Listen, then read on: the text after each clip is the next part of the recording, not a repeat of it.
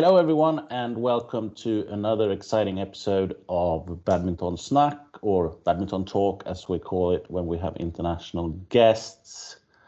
My name is, as usual, Stefan Börjesson, and on my on my right, at least on my virtual right side, I've got my good friend and colleague Gert Künke.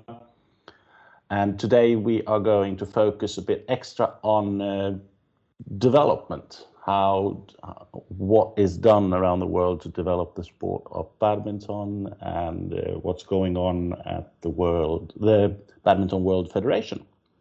And to help us with that we have a prominent guest so i'd like to welcome ian wright. Thank you for joining us joining us.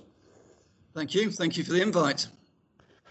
I think lots of people in the badminton world at least in the in the upper echelons and in France. You've been coaching in France. You've been coaching in the UK. You've been a player, so you're pro- probably rather well known in the in the industry, so to speak. But could you tell our listeners a little bit more about yourself?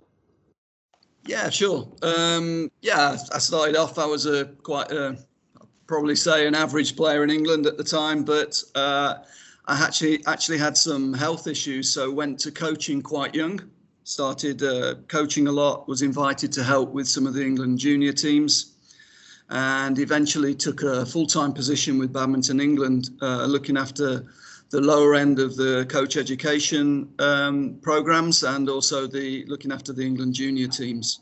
And that sort of that was my first full time role. And to be honest, I just thought of doing that for a couple of years because this is, I'm quite old. So uh, this is before badminton was in the Olympics. There wasn't a lot of money in it.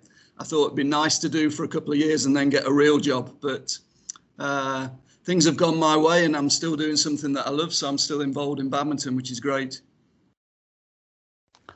So, first, quite some time as a player, you said you, you quit rather young because of injuries or disease and so on. Then quite a few years in France, if I'm not mistaken, and quite a few years in the UK. And now at the at BWF, I mean, what what kind what experience have you taken with you from your role as a player and as a coach into your job as development director for BWF? Yeah, sure. It's been um, it's, it's, it's been a long learning curve for me, if you like. I mean, when I was in England, I was, uh, you know, there was the junior teams. I would maybe see them once a month, maybe one weekend a month. I'd work with some players maybe a couple of times a week. Uh, and then actually, I went to Norway. I went to Norway as national coach, and that was the first time I really worked with players full time, where I could get them on court twice a day. Um, and think a little bit more long term. And that changed my whole thinking really on coaching and brought it alive for me really. And that's probably where my real fascination for it started, where you could get individuals and have a real meaningful influence on what they were doing, how they were training, how they thought about the game. From there, I went on to France. I had 13 years in France, which I really enjoyed. Uh, which was great because I was working in the Olympic Centre, so there was 20 sports based there every lunch, every coffee break, you could talk to coaches from other sports, from some of the big sports in France. So it was a really fascinating environment to be involved in. But in the end, the draw of being national coach in my own country and being head coach in England and Great Britain uh, was something I really I'd always wanted to do. So I went back to England and uh, and did that role. Um, from there, the BWF it was different. I've always had an interest in in coaching, coaching philosophy, but also uh, coach education. I think coach edu- education is a critical factor in any federation, any development uh, environment you like. The education of your coaches is critical. And uh, when I got the chance to uh, sit down and talk with some of the guys at BWF and they wanted to start a coaching framework, I was really interested and I was really keen to be involved. So I did a little bit of work for them as a consultant, and then eventually again got offered a full time role with them to come and develop some different programs, not just coach education, also a schools program. But and I've really enjoyed that equally as you know being an Olympic coach and traveling around was great. I loved it, but I get equal value out of uh, out of the development side, if you like. Yeah, but Ian, um, we'll come back to the coaching development and the schools program and different programs that you yeah. and BWF order in, um, in, in the whole world. But could you describe to us what is the vision and the mission for Badminton World Federation? If we start there. I'm going to start with the vision because I, I like that. It's uh, giving every child a chance to play for life, and that's a real. Um, it, it's a real shift. It's been a real shift for BWF culture, which was really a traditional international federation, only really concerned by uh, governance and events. But with the increased uh, commercial success of badminton, it's meant that we've been able to look at, at a much broader vision for the game trying to develop it, trying to grow it globally, grow awareness and uh, grow participation. And uh, eventually that culminated in us adopting this vision of uh, giving every child a chance to play for life, which I think is uh, quite innovative for an international federation. Uh, it's ambitious, uh, but it's one that I think everybody in BWF really buys into. And I think it's a, I, th- I think it's been a good guide to us in certainly in development terms for for the programs that we try and uh, develop. sounds like a really good goal. But Ian, could you describe? Uh, you mentioned that uh, every child should have a possibility to play badminton, but if you could you describe badminton a little bit in more in numbers? Uh, for example, how many do you know? How many children are there playing badminton at the moment in the world? Uh, yes. And uh, how many countries do does BWF have as a member countries? And it would be interesting to hear the facts. Yeah. Okay. So in members at the moment, uh, we're still growing as an international federation. Uh, we've got 196 member nations. Um, so we're one of the bigger international federations now. And many of the recent ones have come on board because there are uh, development tools for them to help establish the game in their own countries. So Shuttle Time's actually been a, a, real catalyst in bringing on some on board some new members, some new countries in regions where badminton isn't a traditional sport. In terms of players who play regularly, uh, we have a survey. There's a global survey done with for, for, for international federations. Our stats at the moment look at uh, 330 million people globally that play badminton at least once a week. Uh, so the numbers are very big, but of course those numbers are stacked towards Asia. We are, uh, you know, we're an Asian-dominated sport still, and but there are other areas of the world where we're also starting to see particip participation numbers rise quite steeply. Yeah, it's interesting. It's um, it's a lot of people playing, and and it is, as you say, very big sport in um, uh, in Asia, and um, we'll hope that it will grow like that in Europe as well. What do you say, Stefan?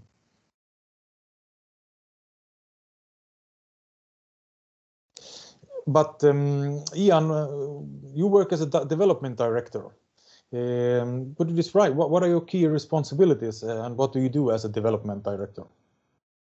Yeah, sure. Um, so the development department is really about uh, growth. That's the bottom line, uh, how to grow the sport, and uh, we put a lot of time and effort into creating educational resources for our member nations and also creating funding streams for them, helping them create some funding streams so that we can fund participation and educational courses on a global scale. Um, so it's it's in areas like, of course, the traditional ones like training of coaches, technical officials, training of uh, and the schools programs, but also, we put a lot of uh, investment in sports science to try and move the game forward, to try and be innovative. Um, and we look a lot now at partnerships because we can't do everything ourselves. We partner with uh, a number of charities, a number of global organizations, uh, yeah, UNHCR, uh, UNESCO, some big organizations that we get involved with to try and create these opportunities for children to play badminton. Sounds awesome. But um, there are many other uh, director positions as well in BWF. How does it? How many of them are there, and, and what are the key responsibilities? If we look at this structure, is there like a yeah, together? sure. Um, maybe not a good message for a Swedish podcast, but we're a little bit Danish top heavy at the moment with a Danish president and a Danish general secretary, but very good ones uh, in Poul-Erik Høyer and uh, Thomas Lund, very famous players, obviously, both of whom I lost to quite easily in my day. Um, so uh, Thomas is head of the uh, operational staff. And then sitting underneath Thomas, there's a There's a chief operational officer who looks after the sort of uh, the governance side of our operation. And then there's the three what you might call more functional uh, areas. So there's marketing and communications where there's a director. Uh, there's events and there's a director of events and there's development. So there's uh, a, uh, a, general secretary, chief operating officer, and then the three three other areas uh, where there's three directors.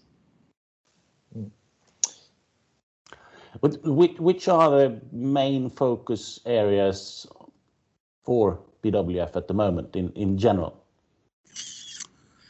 Um, I think it's fairly evenly spread, to be honest. I mean, obviously, uh, you know, there's no point in having development if you haven't got a really, really sophisticated uh, event structure.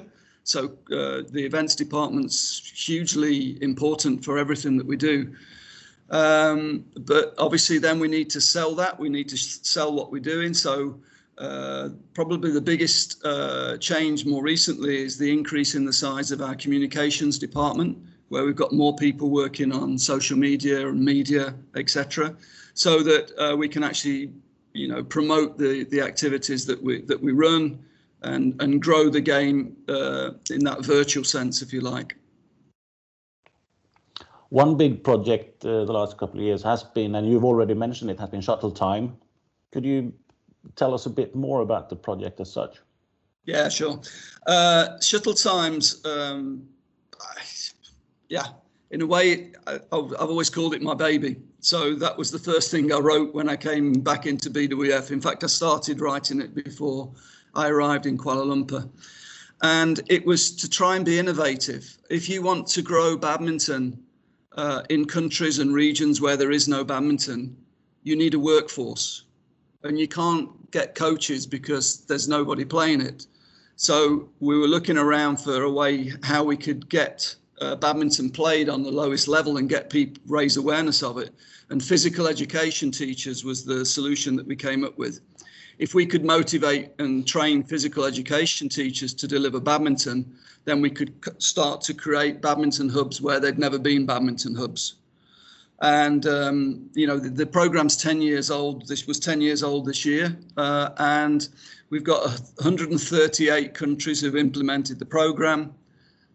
We estimate about 3 million children a year play badminton uh, on the shuttle time program globally and uh, we've got 50, over 52,000 teachers qualified and trained in shuttle time globally as well so it's been a very big, it's been a, very, a steep learning curve. We've made mistakes along the way, but as a program, it's been highly successful for us.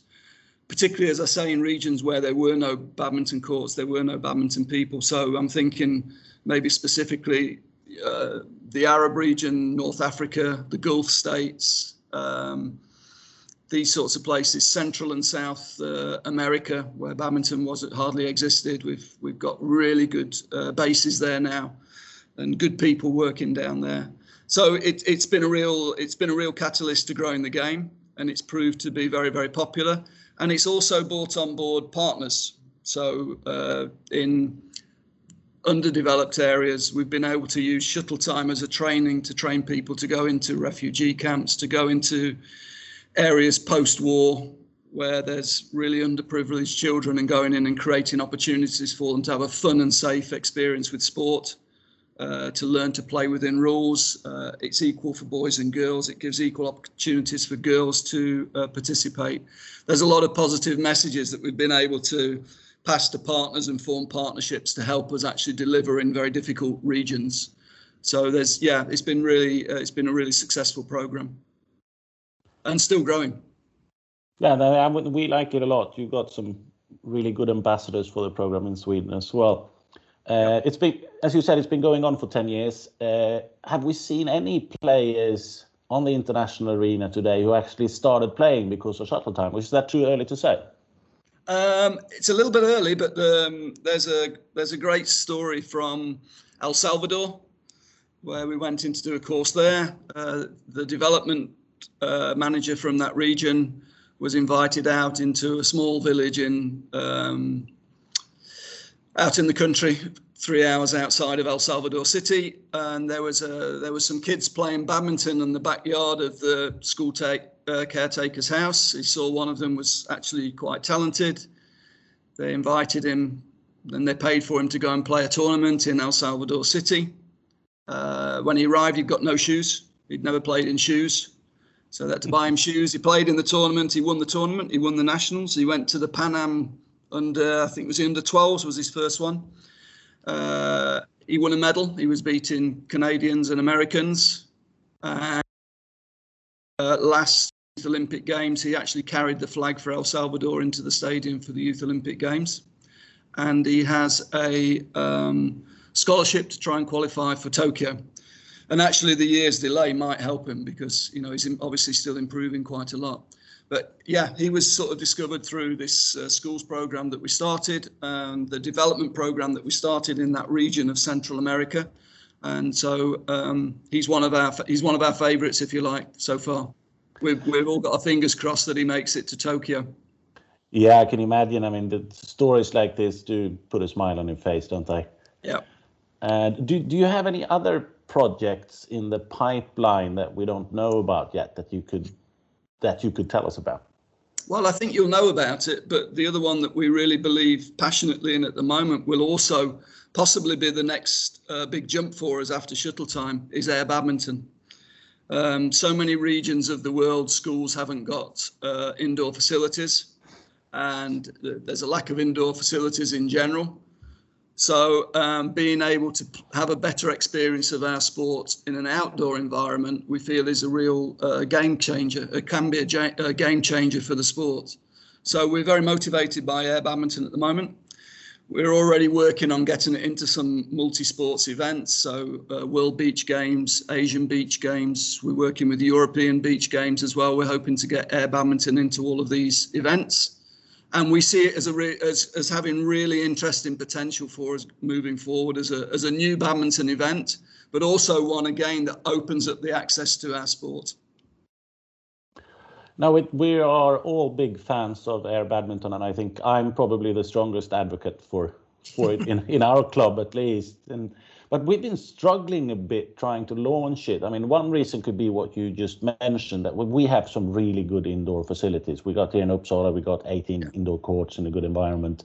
So maybe that doesn't sort of force people to go and play outdoors. Have you seen similar situations in other more developed countries, so to speak?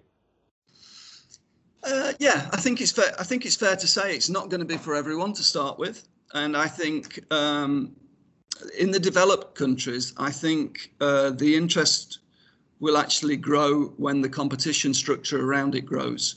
When people see there's actually a chance to compete and play in tournaments and be competitive with it in these more developed countries, then I think it will grow. That's a conversation we've been having very much with uh, China, for example.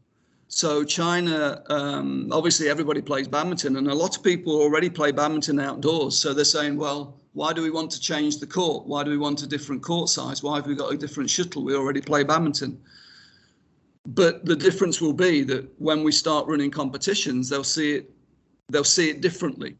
You know, if we put that competition structure in place, if we start at national level, but move as quickly as we can to international competitions, then people will then people will play. Uh, but in the less developed countries, that, that's not it. That's not what it's about. It's about being able to play and having a fun, healthy experience of sport with with air badminton. So it works on two levels, if you like. It will work on two levels: participation, the health agenda, and then on the other side, with the more developed countries, uh, it will be more around the competition structure. I think. But Ian, um, air badminton and to launch it worldwide, it's it's a big project. Huh? And how, yep. how many years of preparation do you have uh, behind you, and how much effort have you put into it to to launch it? I mean, it's a yep. it's a, quite a bit of work, I presume. It is. It's it's it's a big project. I mean, um, the air shuttle. Uh, it took five. It it took five years to develop the shuttle, and of course. Uh, it will keep imp- it will keep improving as as more companies come in and start to work with us on the Air Badminton project. They'll do more research, and the shuttle will get better. That's that that's for sure. Um, but uh, at the moment, we've got 120 countries who've expressed an interest, who've taken equipment and have been running test events and have been giving us feedback on what works and what doesn't work for them. So we're still very much in the learning phase. But as I say, we already have 120 countries who are who are interested. So it's a really positive start for us. Um, it is a, it is a big program. It is ambitious. Uh, we need a lot of pilot projects, a lot of pilot competitions, and unfortunately, we had some really fun ones planned for this year, but that's all gone with COVID. So we're hoping next year to be able to do it. But now next year is going to be very full with Olympics, Worlds, Thomas Uber Cup, Sudirman Cup. I mean, it's going to be a big year for badminton anyway. But we're also going to be fitting in some. Um, some international uh, air badminton exhibitions that we hope to get a lot of publicity with to raise the profile. Some of them in iconic uh, venues. Um, yeah, we've, we've got a plan, we've got a strategy, we've got a strategy, and uh, we'll see how quickly we can grow it.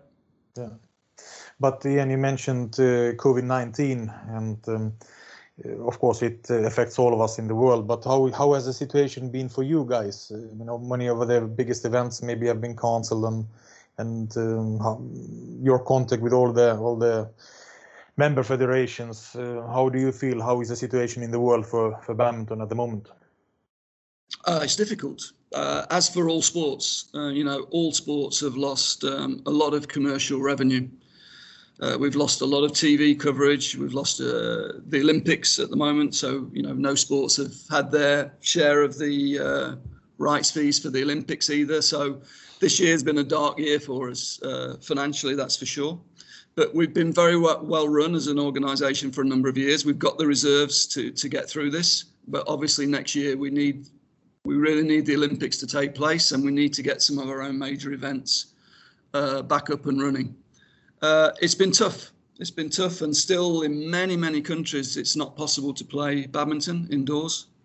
So um, it's difficult the one positive I would pull from it is it has meant that we've had to uh, have a lot more communication with our members. Uh, we've run a lot more online um, online resources, uh, online educational courses for our member. Uh, understanding both uh, for us of the member nations, but also I think the member nations of BWF and BWF's role. So something that's something moving forward we need to build on a little bit more. It's it's it's a positive outcome in a difficult circumstance, let's say. Yeah. Uh, but Ian, one of the, if we speak about events, one quite big event that that you have for the coaches and for development is World Coaches Conference, where you try to gather all the coaches and uh, and meet them and um, change experiences. And uh, but how important is that, do you think? And um, what is the goal with World Coaches Conference? Well, I'm a I'm a big fan of the World Coaches Conference. It was my sort of first exposure uh, where I was, you know, was able to talk to lots of different coaches, uh, going a long, long way back to Malmo, uh, World Champs. Um, I think I think it's a great event. We've pushed it very hard. We've grown it over the last few years, but um, I can give you the scoop. You'll be the first ones to know that we're going to do a virtual conference next year. Okay. Um, the interaction becomes a little bit harder, but we're looking at technology where we can have breakout groups where you can have discussions and everything. We're just building the model at the moment. But uh, the downside is that face-to-face contact with other coaches, and you know, a lot of the best stuff happens in the breaks and over the meals. But on the plus side, it will give access to many, many more coaches. Um, I attended. I actually did a presentation for for a coaches forum in India uh, a couple of weeks ago, where there were over three thousand coaches on the call. Awesome. You know that that's the reach you can get with online. And yes, we love to run face-to-face courses, but actually we should probably do both. That's something we're probably learning from with this uh, this current situation because the on the online reach for there's so many people who who would be interested to attend a World Coaches Conference who will never have the opportunity, and doing it virtually will really give an opportunity for people to access. Yeah, that sounds three thousand coaches. That's that's quite a, quite many. Or what do you say, Stefan? Yeah, that's I mean crazy. It was crazy. That's quite a few. and again, if you have 300 million people playing, so you need yeah. quite a few yeah. places. Yeah, it's true. It's true. But what about um, para badminton again? Um, we have a um, structure in, in our club in Uppsala that where we try to promote para badminton and, and um, uh, involve more both young players and older players to uh, to play para badminton. But um, it's not as big as our normal or usual uh, courses what we have at the moment. But how does it lo look in the world? how many play people are there playing para badminton? How much does it cost? Because we've heard that it, it, it's a little bit more expensive to, to buy in the wheelchairs, for example. Um, and uh, which country is the biggest in para badminton? Could you tell us a little bit more about it? Yeah, sure. First of all, uh, we need more clubs like yours that adopt para badminton and adopt participation in para badminton. Uh, if there were more clubs thinking that broadly, it would help us a lot. So congratulations on that initiative. Um, para badminton's growing and it's growing very quickly. Um, but para badminton brings obviously a lot of logistical challenges for people. And, uh, you know, in less developed countries, it's even more of a challenge. We, we're investing a lot of money at the moment. We've got um, a big project for wheelchairs for less developed countries so that people can experience badminton um, that, that, haven't been able to have a positive sporting experience. Um, the numbers are going up quickly, and as an organisation, we're very proud of the fact that we've got into the Para Games for the first time. We're really looking forward to Tokyo. It'll be the first time we'll be in the Games. And we actually think we're going to surprise a lot of people because the level is amazing. Um, if you've seen the European Championships or the World Championships, I mean, the level that these guys are playing at is is pretty incredible.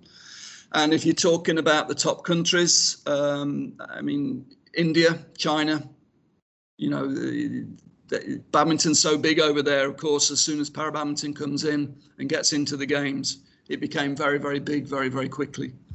Um, in Europe, it's, it's the same. It's the it's the better, more recognised countries that are probably getting the results at the moment. You know, Germany strong, England are strong, um, Denmark strong, very good Norwegian player. Uh, you know, they, it, it spread around. It spread around quite well in Europe, the medal spread, but um, it, it's something that I think will change and evolve very quickly once we get that first uh, run at the games. I think it will, but that's for para sport. Um, it's it's so big. It's bigger than the Olympics, if you like. You know, parasport, and people watch parasport once every four years. That's our chance to shine, and I think people will be surprised. And I think we'll get a lot of people coming over. Uh, those with uh, physical disabilities, I think we'll get a lot of them coming over to try badminton following the games and the exposure we get in Tokyo. And um, full-time players as well? I mean, on the um, badminton world. Uh, federation, the biggest tournaments, uh, for example, um, oh, Viktor Axelsen, and they, they playing full time, all of them. But how does it look in para badminton, and what does it cost to to be a, a professional para badminton player with all the equipment that you need, for example, and travels and everything?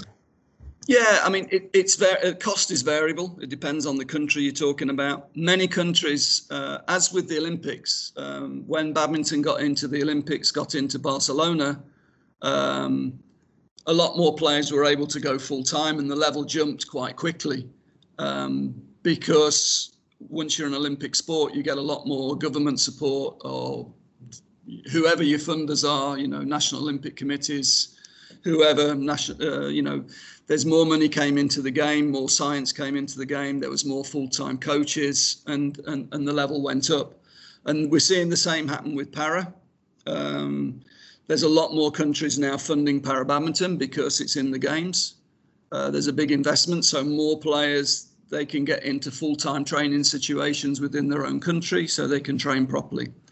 It's not professional because there's no prize money uh, it's it's very complicated with parasport because you've got so many classifications. If you've got, uh, you know, in Olympics, what are we playing? 14 different classifications. If you times that by the five events, two singles, three doubles, that's a lot of um, that's a lot of finals. That's a lot of medals already. I'm sure you can see it.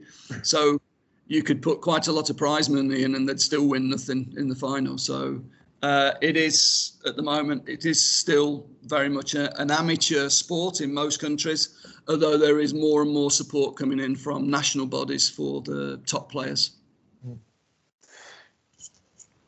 And talking about money and financing, how, how does uh, BWF finance itself?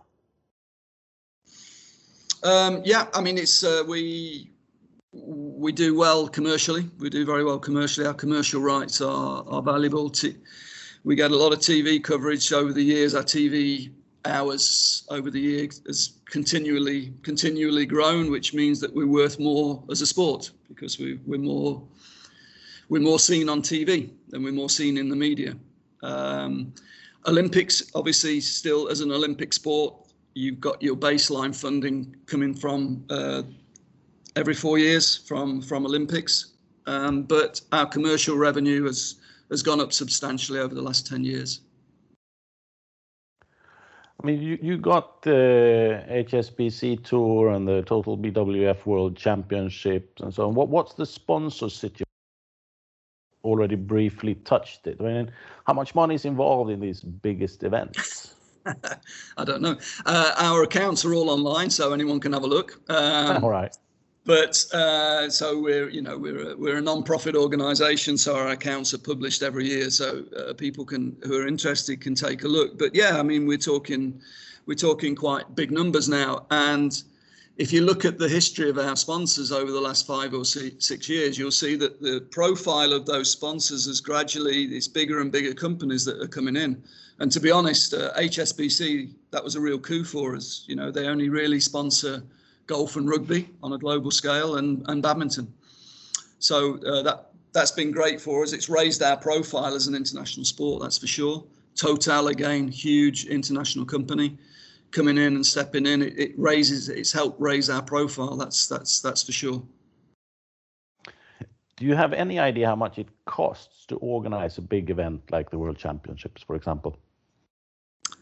It depends on the country. It really depends on the country and also the model of how they fund it.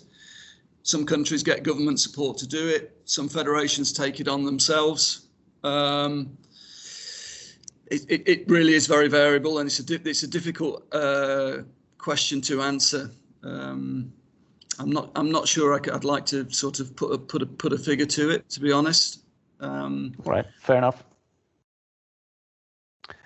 Uh, two big sponsors, and of course, of course, uh, HSBC as a sponsor is great. You said they sponsor internationally only rugby and uh, golf. Uh, do, do you have a do you have a dream sponsor or two?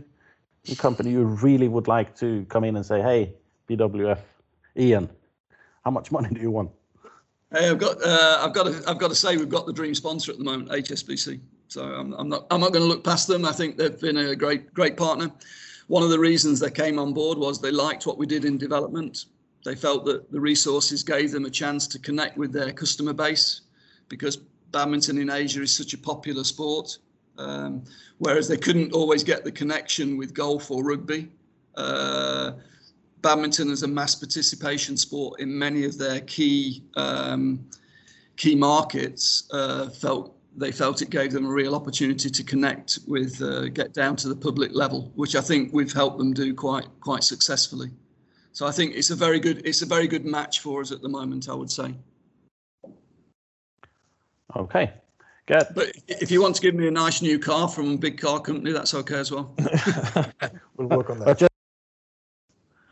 And uh, HSBC, and you said that they're a very good partner. And how does it work on that level? How do they activate themselves, um, or how, how, how does the corporation and the um, working together look like for you yeah, guys? I mean, obviously there's the there's the top end, there's the tour. You know, that's the TV coverage is the bedrock of it, and that's the percent that's a big percentage of it. But as I say, more and more big companies are looking for uh, community activation.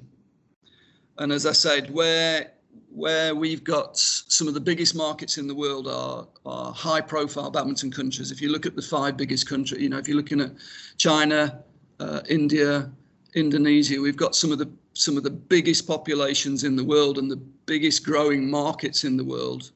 uh, are, are coincide with where badminton is the biggest.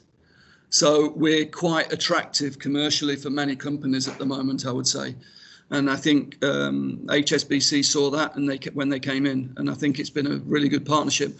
But as I say, the interest, one of the main, one of the big interests for them is to be able to do something at, at that at that community level. So uh, in China, for example, there's a lot of uh, community air badminton courts been built on in derelict areas or unused sports facilities where you've got maybe a rundown basketball court in a park. We've been able to renovate it and put four four air badminton courts in for the community. Uh, if you've been to China, many of the high-rise blocks in the middle, they've got a community area that's for exercise. Let's not say sport, it's for exercise. We've been working to put courts down there as well in partnership with HSBC. And we're focusing at the moment on a couple of cities, but we're hoping to expand that next year into some some new cities as well. Mm-hmm. sounds awesome. But Ian, um, let's say, for example, that um, Stefan and I we have a company together and that's going quite well, and um, we would like to support BWF with, for example, 300 million US dollar, uh, just as a, as a number to say. Um, what do you think? What if we could get, or you could get that amount of money into BWF? Uh, what could you do with that money, or what should you do with that money in order to develop badminton even more? Okay, uh, I'm going to talk personally. yeah. So this is not this is not a company line. I'll tell you what I think uh, would be great if we if we did have that deep pocket to go into. Uh, to be able to expand the uh, tournament structure, the competition structure, to be able to get more interna- more smaller international events in less developed countries, so that uh, all talented players in all regions really had the chance to compete, to get on the world ranking, and have the chance to uh, improve themselves in world ranking terms. At the moment, it's still an expensive sport at that bottom level to get a to get a world ranking, because in Africa, for example, there's not so many tournaments, and travel's very expensive in Africa. The same in South America. If we could really get into these areas where we've done well to increase participation and create really good uh, competition structures and pyramids.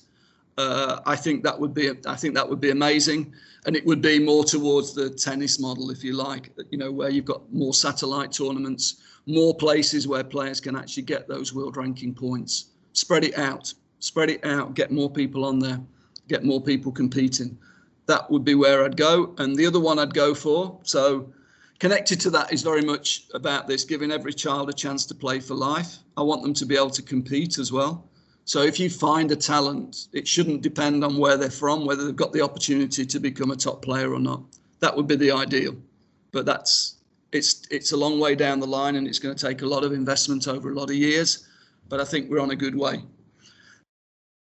Would be I would love to push air badminton a little bit quicker than we're probably going to be able to at the moment with our budgets.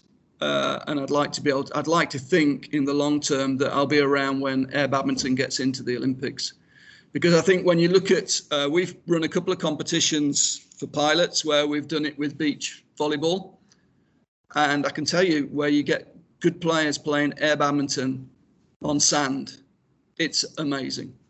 It looks so cool and it's so physical and it's really explosive. And you get lots of rallies, which in to be honest, in beach volleyball, you don't get that many rallies. So it's actually more. it's got the potential to be a lot more exciting than beach uh, beach volleyball. So, so that would they would be my areas, I think. Yeah, um, but um, Ian, if we talk a little bit about the different scoring systems, uh, there have been different scoring systems, and uh, we've been trying different types of scoring systems. And uh, um, how do you think of, of uh, that development in the future, and what how do you see on that as, as uh, from BWF position?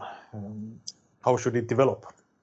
Mm, you've worded that You've worded that not very well for me. I'll, I, again, I'll give you my, I'll give you my opinion. It's not necessarily the the BWF position, but yeah. I think we I think as a sport, I think you always have to be looking forward, and you're not always going to get it right.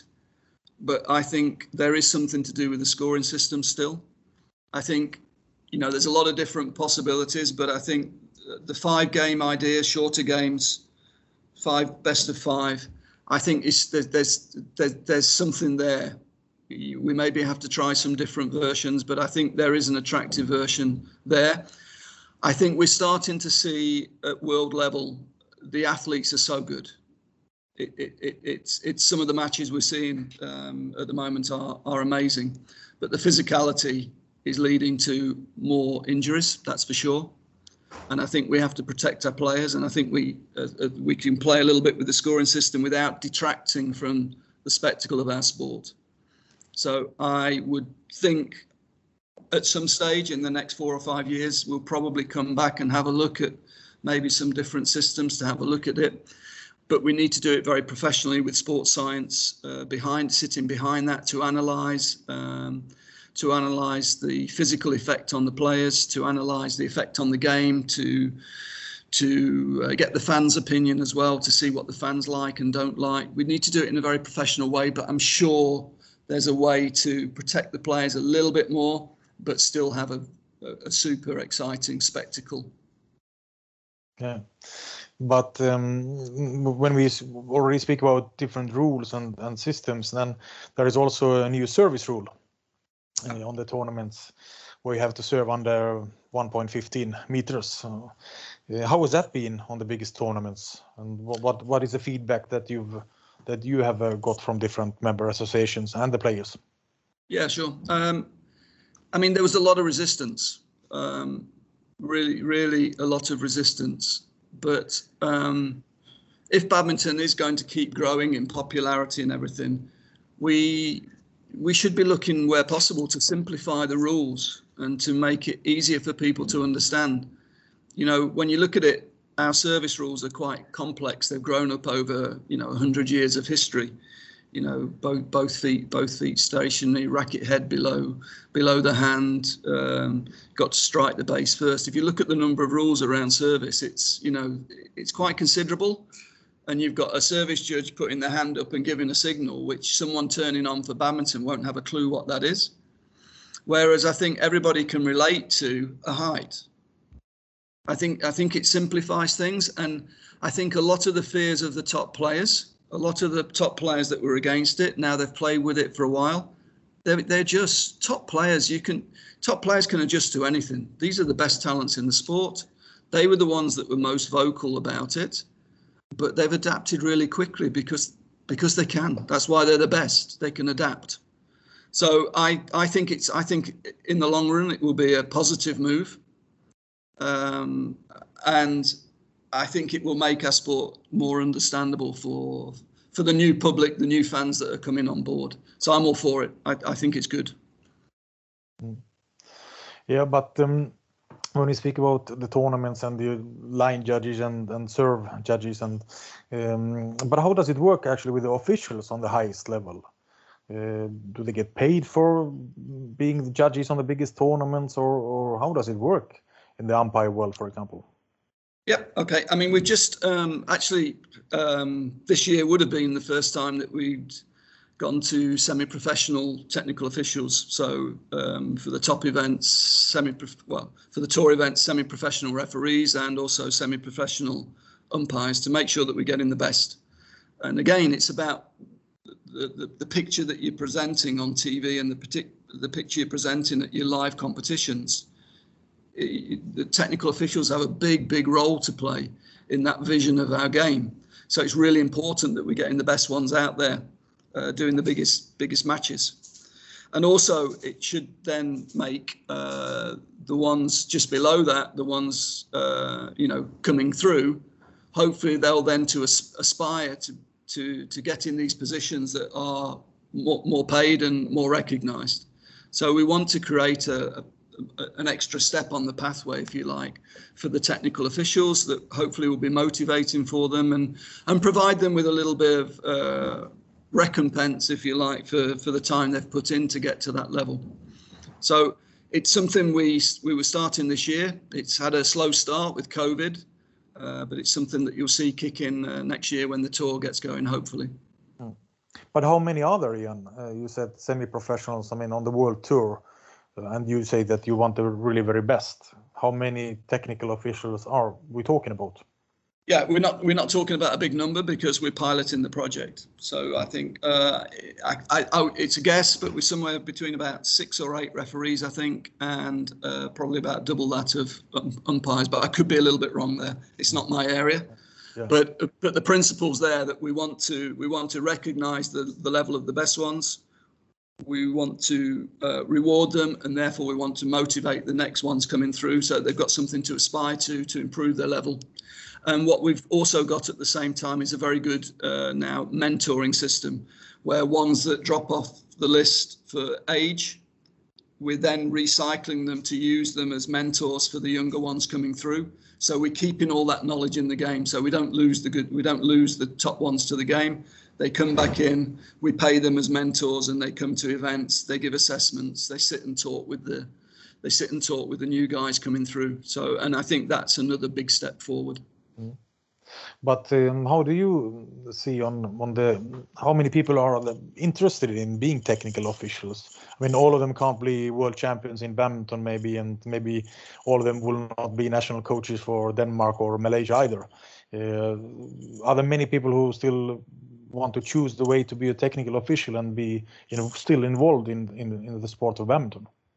Uh, yeah, uh, there are. I mean, it's great. I mean you know everybody's got their own their own different ways and their own different value and um, even when we go into the regions and we've started running more tournaments in africa we go in uh, before and we train the technical officials we train local teams um, and there's always there's always people who want to be involved who want to give back. Uh, one good source for us actually in the less developed areas has been the shuttle time teachers. Uh, many of them in those countries are keen where they see that they can't play in the event and they they're more than happy to come in and train as umpires line judges referees and we've got courses for that now. So uh, we see a lot of them coming on board and helping out as volunteers in these events which again is really positive that there's an enthusiasm for the sport in all the different areas mm.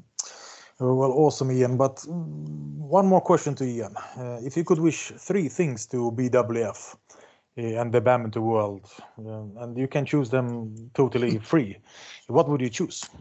Um, only choose three. I'm gonna I'm gonna repeat a little bit here. Well, the first thing is I want to see a full tournament calendar for everybody next year. Want to see COVID out the way. That's definitely the first one to get everybody back playing and enjoying the sport and getting it back on TV. So that's the first one. I would love to see and still be around to see that if we had a super talented player in a very small country in Africa or South America or one of the islands in the Pacific, that they had the opportunity to come through and become a world top player. That, that, that we could have a system that would be able to identify them and assist them and give them the means they needed to get to achieve their potential. I mean, that's that's number two. And number three, I'm going to come back and repeat one and say air badminton in the Olympics. Awesome. well, thank you, Gert, for being the, the genie there and handing out wishes. Um, not sure we could squeeze you into a bottle, though. But anyway. thank you so much, Ian, for joining us. It's been really interesting listening to your views and your ideas about how to develop badminton further. And um, if you ever need a local partner in any in a country, our club is always there because we are also very development uh, I'd love to come back to really Uppsala. To Uppsala, one of my favourite clubs in Sweden. You're always welcome. Good. I'll, i might take you up on that. If I'm ever back in that region, I'd love to love to come and have a look again. That's good. Yeah, just just get in touch and we set you up with something fun. Lovely. Great. Thank you very much. Nice to talk to you. Thanks a lot. Take care, guys. Yeah, Thank thanks a lot. Bye bye. Bye. All right. Thank you, everyone. Thank you, Ian Wright from BWF, for joining us at this week's episode of Badminton Snack. Thank you, Gert, and thank you behind behind the keyboard, taking care of all the technical issues, Eric Johnson. So, cheers, everyone.